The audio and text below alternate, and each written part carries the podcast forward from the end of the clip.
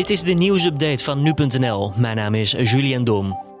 De Amerikaanse president Donald Trump en voormalig vicepresident Joe Biden botsten hard met elkaar tijdens het eerste tv-debat waarin de kandidaten tegenover elkaar stonden. Het debat verliep chaotisch en zat vol met persoonlijke aanvallen op elkaar. Zo onderbrak Trump met regelmaat zijn tegenstander, die hij trouwens constant Joe noemde. En Biden noemde Trump een clown en de slechtste president die de VS ooit heeft gehad.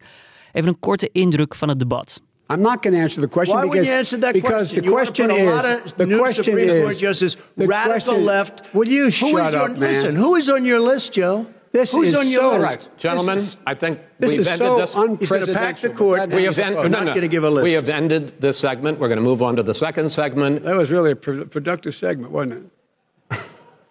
Keep yapping, man. The people understand, Joe. they sure do. 47 years you've done nothing. They understand. Oh. All right. De onderbrekingen en aanvallen volgden elkaar in rap tempo op. Aanvankelijk was te merken dat Biden hierdoor enigszins van slag raakte, al leek hij naarmate het debat vorderde beter zijn eigen verhaal te kunnen uiten. Voor een uitgebreide analyse van onze buitenlandverslaggever Matthijs Lelou kan je terecht op nu.nl en in de app. Duitsland heeft de coronamaatregelen in het land dinsdag verder aangescherpt. In gebieden waar veel besmettingen zijn vastgesteld, mogen op privéfeestjes en familiebijeenkomsten nog maar 50 mensen komen. Met de maatregel moet een nieuwe landelijke lockdown koste wat kost worden voorkomen, al dus bondskanselier Angela Merkel.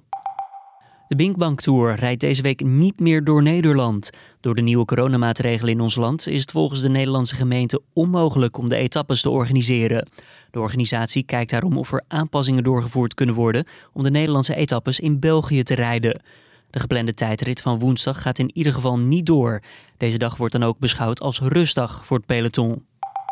Een omstreden Britse wet die bepaalde brexit-afspraken met de Europese Unie schendt, heeft een eerste meerderheid in het Britse parlement. Premier Boris Johnson heeft wel enige toezeggingen gedaan aan kritische conservatieve partijgenoten om ze toch over de streep te trekken. Zo moet eerst toestemming aan het parlement worden gevraagd voordat bepaalde onderdelen uit het zogeheten Noord-Ierland-protocol worden verworpen. Daarbij moet dan ook uitsluitend zijn vastgesteld dat de EU zich niet aan de gemaakte afspraken houdt en daarmee zelf het protocol ondermijnt.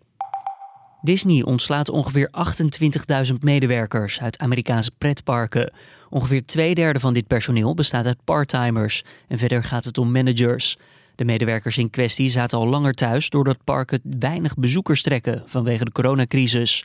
De ontslagen medewerkers krijgen 90 dagen salaris mee naar huis. In totaal waren voor de coronacrisis ruim 100.000 mensen in dienst in de Amerikaanse pretparken. En dit was dan weer de nieuwsupdate.